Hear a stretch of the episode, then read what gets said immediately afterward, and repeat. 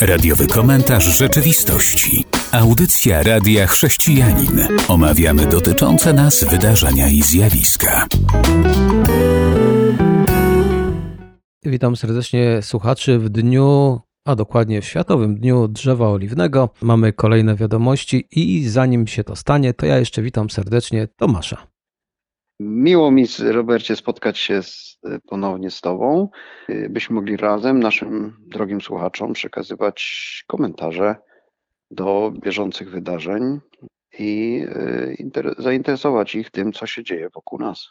I przechodzimy już do świąt. One się zbliżają. Tak naprawdę to już lada moment i będziemy mieli święta, a obchody Bożego Narodzenia odwołane w Betlejem, Jerozolimie i Jordanii. Myśmy wspominali o tym, że liderzy chrześcijańscy, przywódcy chrześcijańscy namawiali, aby nie robić wielkich wydarzeń, a tutaj się okazuje, że w tym roku w Betlejem nie będzie lampek choinkowych, również w Gazie nie będzie już e, to świętowane, zresztą wiemy dlaczego. I w ramach solidarności z cierpiącymi w strefie gazy z powodu wojny Izraela z Hamasem, w zeszłym tygodniu chrześcijańscy przywódcy i władze miejskie postanowiły odwołać wszystkie publiczne uroczystości. To do tego jeszcze dodam, że chrześcijanie, a dokładnie przywódcy chrześcijańscy powiedzieli, że tak, ale będziemy obchodzić to tylko w swoich budynkach sakralnych, nie będziemy z tym wychodzić na zewnątrz.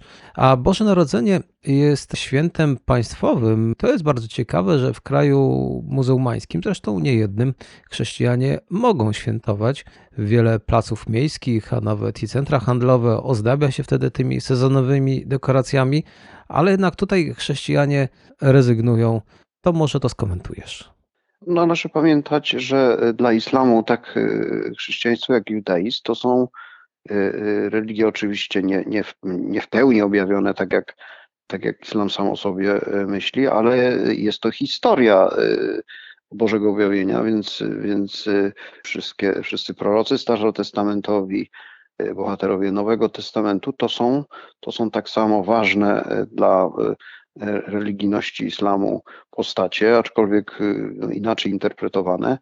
E, tak Jezus, jak jego matka są prorokami dla, dla wyznawców islamu, więc nigdy nie zabraniano chrześcijanom czy, czy Żydom w krajach muzułmańskich obchodzenia ich świąt.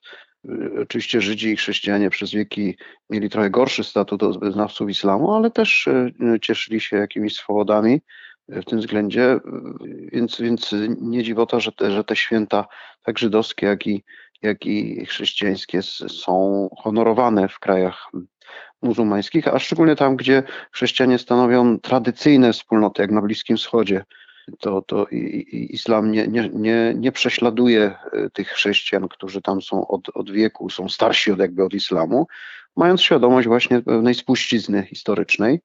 I na przykład Jordania w tym względzie no zawsze, zawsze stwarzała warunki dla, dla chrześcijan do, do swobodnego odprawiania kultury religijnego. A pamiętajmy też, że w krajach bliskowschodnich no, turystyka chrześcijańska do, do miejsc świętych właśnie w okresie różnych świąt, czy Wielkanocy, czy Bożego Narodzenia stanowi no, ważną część no, też i budżetu tych, tych, tych krajów, więc y, ten, ten symboliczny gest, by, by w tym roku ograniczyć obchody Bożego Narodzenia do religijnych czy, czy, czy prywatnych, do rodzinnych, tylko uroczystości, nabożeństw i, i spotkań, e, kosztem właśnie tego całego całej otoczki takiej kulturowej, jak, jak właśnie choinki rozświetlone, jak, jak różnego rodzaju pochody, y, jarmarki, no to z tego właśnie rezygnują wspólnoty chrześcijańskie y, w Jordanii y, i na terenie Palestyny, bo, bo trzeba pamiętać, że te, te miejsca związane z historią chrześcijaństwa znajdują się przede wszystkim właśnie na zachodnim brzegu na terenach autonomii palestyńskiej i większość chrześcijan, którzy są Arabami tam, na Bliskim Wschodzie w tym roku no, będzie właśnie ograniczała, solidaryzując się z ofiarami tej, tej strasznej, tego strasznego konfliktu, bo to o to chodzi, żeby, żeby zwrócić uwagę na, na istotę świąt i, i ograniczyć te, te, te radosne imprezy jakby solidaryzując się, solidaryzując się z tymi, którzy, którzy giną, bo, bo no jakiś procent y, ofiar y, tego konfliktu w strefie gazy to są też chrześcijanie, arabscy chrześcijanie. O tym też trzeba pamiętać. Czas w tym roku, czas świąt jest rzeczywiście trudny dla chrześcijan i jak widać nie tylko w Izraelu i nie tylko w Gazie. Ciekawym gestem jest to, że chrześcijanie w Jordanii postanowili ofiary, które zbiorą, przekazać na potrzebujących w Gazie. Chciałem o tym tylko wspomnieć, ale przy okazji taka informacja tutaj do nas dotarła, że 3 czwarte Palestyńczyków popiera organizację terrorystyczną Hamas i jej oczywiście atak na Izrael w zeszłym miesiącu. To jest bardzo dużo, ale chciałbym tu przytoczyć wypowiedź, którą Tomasz mi przesłał, pewnego Żyda, że poparcie dla Palestyńczyków, mam na myśli jakieś manifestacje w innych krajach, chociażby w Europie, niekoniecznie musi być poparciem dla Hamasu. Faktycznie, dobra uwaga, cenna, ale myślę, że ci, którzy biorą udział w wielu tych demonstracjach, to chyba niekoniecznie zawsze to wiedzą. No, solidaryzując się z, z ofiarami jakiegokolwiek konfliktu, powinniśmy wyraźnie zaznaczać, że, e, że nie oznacza to popierania tej czy innej władzy, która, która zbrojną ręką no, dotyka właśnie, właśnie ofiar, czy to po jednej, czy po drugiej stronie.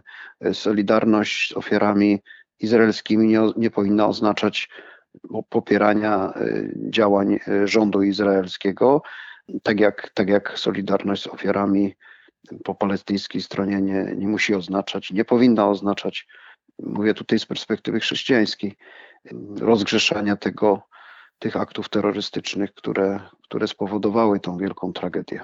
My mamy jakiś dystans, Palestyńczycy niekoniecznie, bo to oni w sumie wybrali Hamas i nadal, jak dane statystyczne pokazują, 75% Palestyńczyków twierdzi, że popiera atak terrorystyczny, który miał miejsce, ale my, kiedy na to patrzymy, powinniśmy mieć rzeczywiście obiektywne spojrzenie. Ale tu na koniec chciałbym przytoczyć i może zwrócić uwagę na pewną książkę.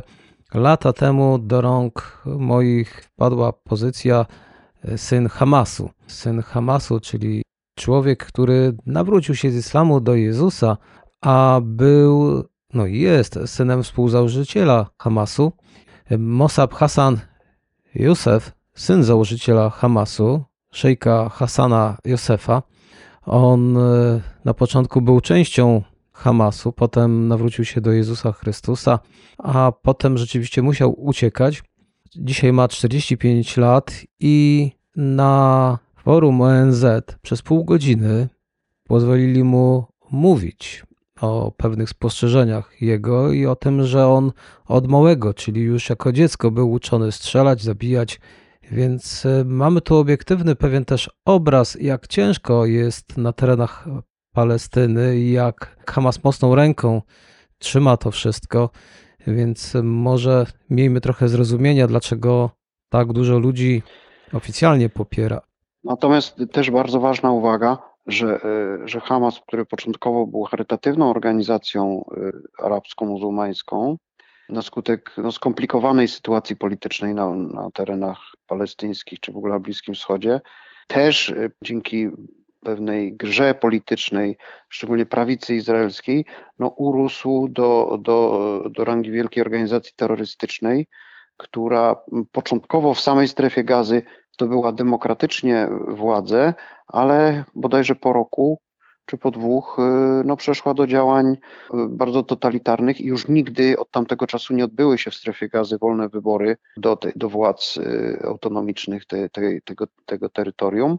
Także od kilkunastu lat Hamas sprawuje tą władzę absolutną tam, nie dopuszczając swojego własnego społeczeństwa do głosu, a polityka Izraela, ponadto no, interesy szczególnie Iranu, sprawiły, że, że sytuacja się tam bardzo, bardzo zaradykalizowała. Ta, pamiętajmy, że na, na, na terytorium podobnym do, do Krakowa żyje 2,5 miliona ludzi stłoczonych w fatalnych warunkach, gdzie nie ma tam nawet źródeł energii, gdzie nie ma nawet portu, żeby, żeby mogły przepływać statki z pomocą, bo cała całe wyżywienie, energia, paliwo, wszystko musi być dostarczane z zewnątrz, głównie dzięki, dzięki potężnym środkom z, z Unii Europejskiej i, i krajów arabskich.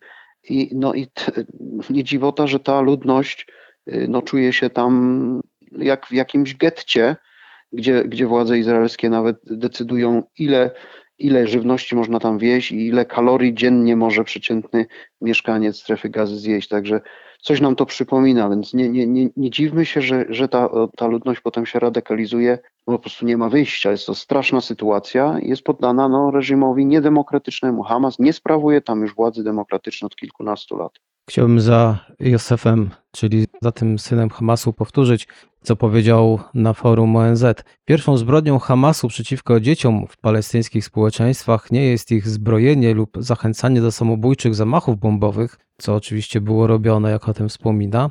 Ich pierwszą zbrodnią jest ideologiczna indoktrynacja religijna, przez jaką musiałem przejść tylko z jednym zamiarem unicestwienia państwa Izrael. To podstawowy cel Hamasu. I również to, co tam powiedział nie chcemy państwa palestyńskiego. Ja nie chcę państwa palestyńskiego. Palestyńskie dzieci potrzebują edukacji, potrzebują bezpieczeństwa, potrzebują życia. Tego właśnie potrzebują. Nie potrzebują kolejnego skorumpowanego reżimu arabskiego. A tutaj, gwoli informacji, chcę powiedzieć, że Palestyńczycy przekazali Hamasowi władzę na drodze wyborów w 2007 roku. Tak, tak. A potem już nigdy Hamas nie organizował wyborów. Trzyma ten, tą strefę gazy twardą ręką no i wykorzystuje tą dramatyczną sytuację tych ludzi, no, którzy się dzięki temu radykalizują i przekierowuje ich, ich całą, całą agresję na, na, na państwo Izrael.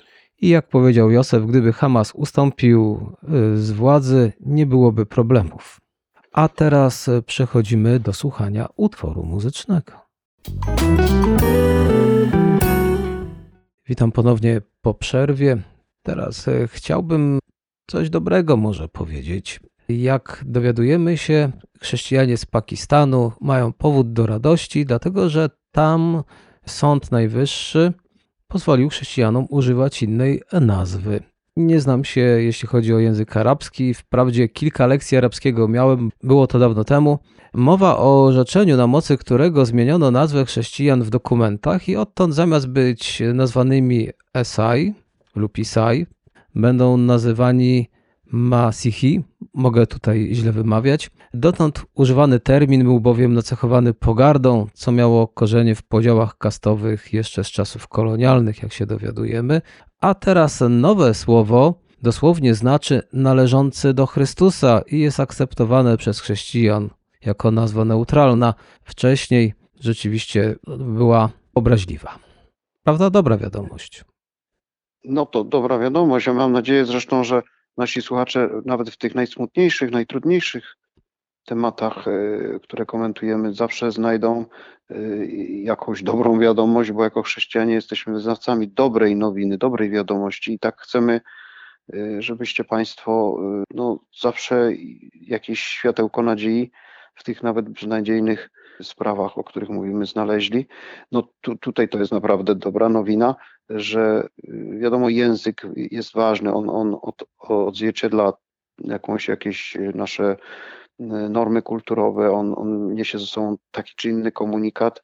Jeżeli ta nazwa, nowa nazwa, którą będą mogli posługiwać się w, w tym obrocie prawnym, w, w mediach i tak dalej, y, pakistańscy chrześcijanie, nie ma konotacji negatywnych, jak ta, tak jak ta poprzednia, wiążąca się właśnie z, z tymi klasami najniższymi, odrzuconymi.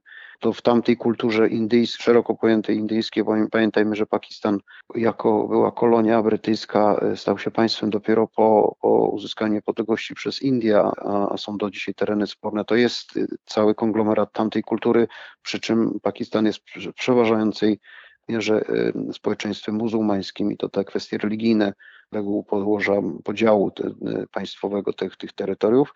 Tam można znaleźć charakterystyczne dla kultury indyjskiej y, kastowość, gdzie, gdzie, która to wszystko decyduje o, o statusie społecznym i tak się składa, że najczęściej, najłatwiej było stawać się chrześcijanami osobą z tych kast najniższych, osób najbardziej odtrąconych którym ograniczano y, awans społeczny, których y, ograniczano tylko do wykonywania naj, naj, najgorszych form y, zarobkowania.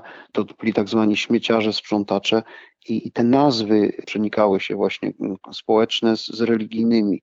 I to w języku urdu, bo to jest naj, naj, najczęściej używany język Pakistanie. Y, te religijne pojęcia były brane oczywiście z terminologii arabskiej, bo, bo w islamie język arabski ma, jest tym, tym, tym językiem religijnym, sakralnym, językiem liturgicznym, więc, więc aczkolwiek ta, ta wcześniej cytowana przez Ciebie e, nazwa e, tych najniższych klas, którzy, które były utożsamione z chrześcijanami, pochodziła od sam, imienia samego Jezusa, no to jednak na przestrzeni wieków y, ona była synonimem tej, tego odrzucenia, tej, tej, tej, tych szmaciarzy, śmieciarzy, tak byśmy to mogli po, po, po polsku powiedzieć, a teraz y, chrześcijanie mogą używać też y, pojęcia, który tam gdzieś przez arabski dotarł do języka urdu, czyli właściciele, będący własnością Mesjasza, tak, Chrystusa. Tak, tak, tak byśmy mogli to odcyfrować to słowo, więc też, też źródło słów właściwy, ale już na szczęście pozbawiony tej, tej, tej, tego negatywnego piętna. Także dbajmy też w naszym języku o używanie pojęć, które nikogo nie ranią, nikogo nie stygmatyzują, bo po języku polskim potrafimy na różne grupy społeczne czy religijne mówić y, niekoniecznie w sposób taki inkluzywny i, i, i dowartościowujący, a często możemy ranić ludzi. Także zwracajmy uwagę, jak, jak się odnosimy do innych, także w języku. Bo słowa mogą ranić, słowa mogą pocieszać, słowa mogą dowartościowywać. A teraz krótka przerwa muzyczna, po której wyruszymy do kolejnego kraju. I jak obiecałem, przenosimy się do innego kraju, również kraju, w którym chrześcijanie mają się niekoniecznie tak dobrze, jakby chcieli, do Egiptu. Tytuł pewnego artykułu Przyszłość chrześcijan w Egipcie jest nieznana. To jest wywiad z koptyjskim działaczem chrześcijańskim. Pokazuje, z jakimi trudnościami borykają się chrześcijanie w tym kraju.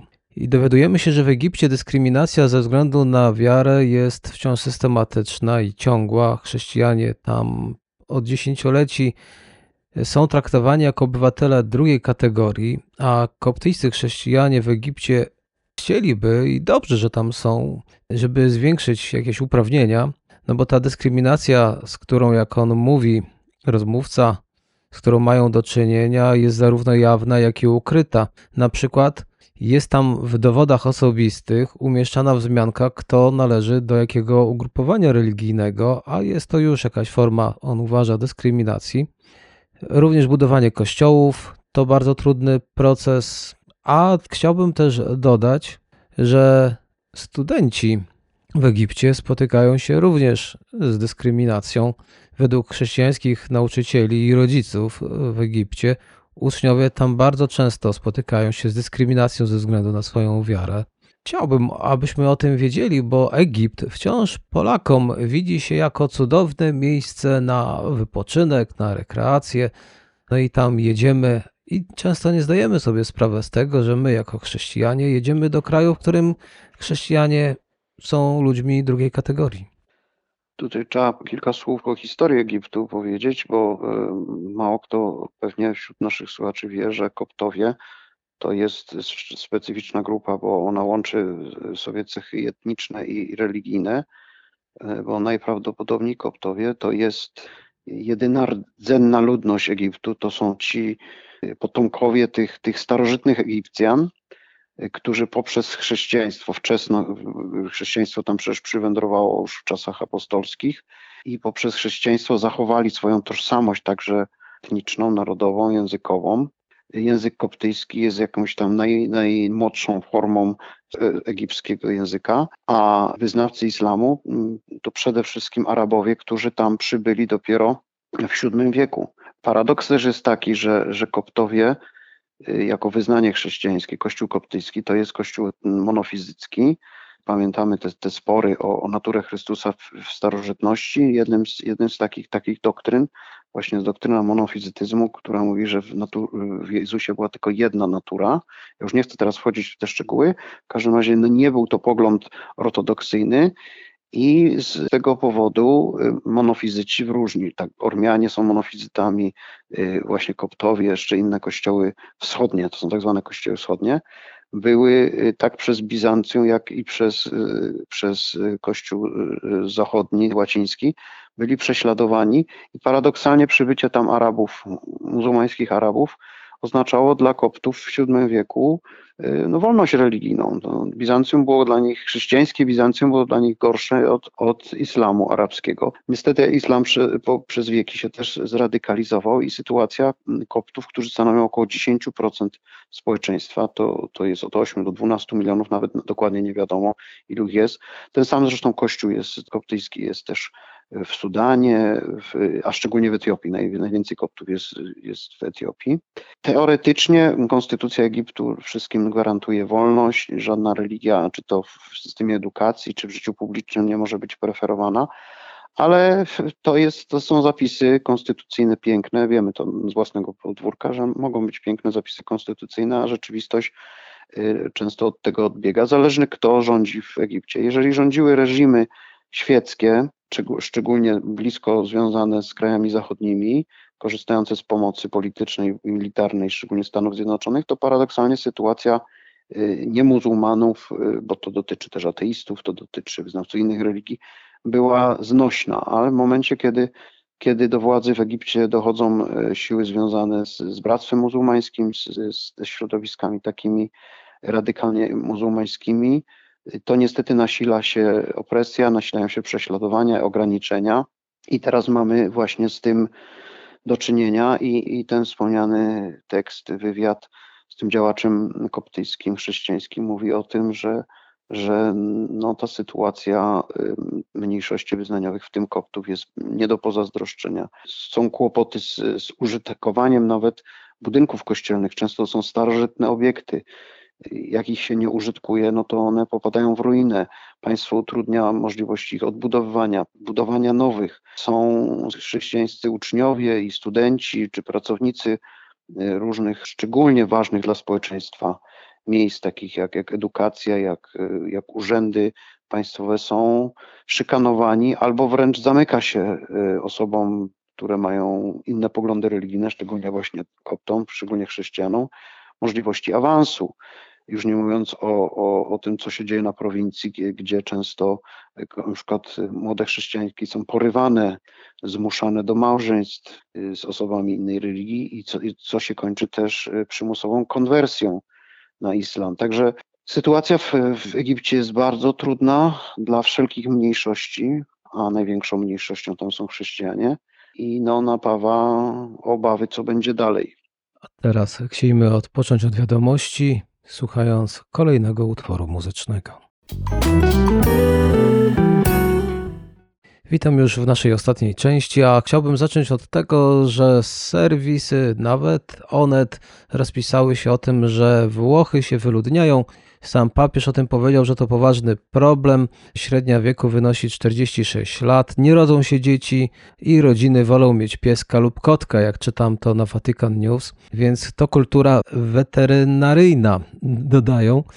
Nie wiem z którego roku ten raport, czy z tego, czy z poprzedniego, ale też e, ten raport ich narodowy, dokładnie Instytutu Statystycznego, jest bezwzględny, bo tam rozpoczęła się faza demograficznego wręcz upadku, mówią naukowcy, i Włosi stali się drugim po Japończykach najbardziej zestarzałym narodem świata. No to nam Europa się wyludnia. No tak, to widać w większości y, wysoko rozwiniętych czy rozwijających się społeczeństw y, tak zwanej kultury zachodniej, ale, ale nie tylko. To o tym też wielokrotnie mówiliśmy, że no najbardziej, najdzietniejszymi społeczeństwami to są z reguły społeczeństwa biedniejsze, społeczeństwa szczególnie tego tak zwanego południa, czyli Afryka, y, Azja, Ameryka Łacińska, a te, te zasobne bogacące się społeczeństwa, szczególnie zachodnioeuropejskie, północnoamerykańskie, no i, i, niektóre azjatyckie, szczególnie tygrysy. Korea chyba tu jest, południowa Korea jest najlepszym przykładem. Bardzo szybko się starzeją i właśnie zmieniają się w ogóle obyczaje. Posiadanie zwierząt domowych, a nie dzieci staje się taką normą dla młodego pokolenia. Popatrzmy na, na Polskę, gdzie tam, gdzie tam słoneczna Italia. W tym roku urodzi się 200 parędziesiąt tysięcy dzieci. Były takie roczniki w latach 50., 60., nawet jeszcze chyba 80., gdzie rodziło się po 700-800 tysięcy. Wyludniamy się. Osiem lat temu wprowadzono wielki program społeczny, bardzo drogi, pompowania wielkich pieniędzy dla rodzin posiadających dzieci, co miało sprowokować do większej dzietności. Totalne fiasko. W ciągu tego czasu dzietność zmniejszyła się chyba o jedną trzecią.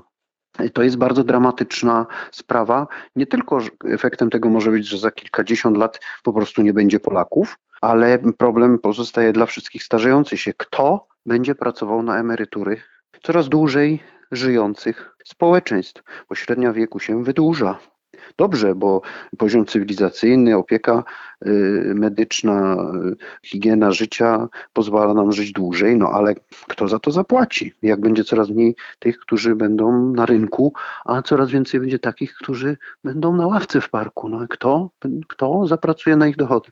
Społeczeństwo hiszpańskie chyba jest tu wyjątkiem w Europie.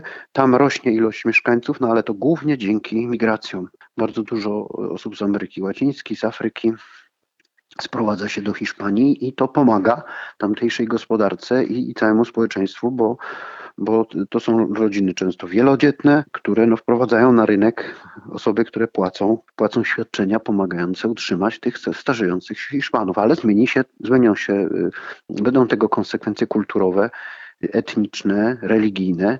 Wielu migrantów, na przykład hiszpańskich, obecnie to są osoby pochodzące z, z latynoamerykańskich środowisk ewangelikalnych. Także zmienia się struktura społeczna, także w kwestiach religijnych. My na szczęście mamy zastrzyk naszych pobratymców z Ukrainy. W Polsce mieszka około 1,5 do 2 miliona Ukraińców, którzy e, to są często ludzie młodzi, ambitni, pracujący, także w tym należy też upatrywać nadziei dla naszego społeczeństwa, jeżeli sami się nie zabierzemy za prokreację. Tutaj chciałbym powiedzieć, że nie ze wszystkich imigrantów cieszą się państwa europejskie, dlatego że okazuje się, że już nie wymieniając że w tych niektórych oni wcale nie garną się do pracy. Dobrze, że są tacy, którzy się garną i może pomogą tym starszym, dajmy na to autochtonom, tutaj Polakom, ale już na przykład Niemcy, no jednak wymienię, pokazują, że nie są w stanie, to są już oficjalne ich słowa, nie są w stanie więcej udźwignąć imigrantów, ich socjal nie jest w stanie ich już utrzymywać. Więc może tak być, że się kraje zrobią ludne, ale podejrzewam, że biedne. I kończąc wspomnianą wiadomość, chciałbym powiedzieć, że, że jest tu możliwość dla chrześcijan, którzy mogą zwrócić uwagę na swoich braci, na swoje siostry, którym no, będzie się pogarszało. A więc co za tym idzie, te emerytury, te renty, może się tak stać, że będą coraz niższe, więc wtedy nie nie mogą oni już liczyć na państwową pomoc, to może po prostu dobrze, żeby mogli liczyć na tych, którzy wraz z nimi siedzą w tej tak zwanej kościelnej ławce i modlą się Ojcze nasz, chleba powszedniego daj nam dzisiaj. Także bądźmy wrażliwi, bo w naszych kościołach może się okazać z czasem pojawią się ludzie, którzy będą przychodzić na nabożeństwo głodni. Ja nie mówię, że to się zdarzy takiej dużej ilości za rok, dwa, ale za 10-20 młodzi tego doczekają. I tą wiadomością kończymy nasze dzisiejsze spotkanie i życzymy wszystkiego dobrego. Do usłyszenia. Do usłyszenia Państwu. Dziękuję Robercie. Był to radiowy komentarz rzeczywistości.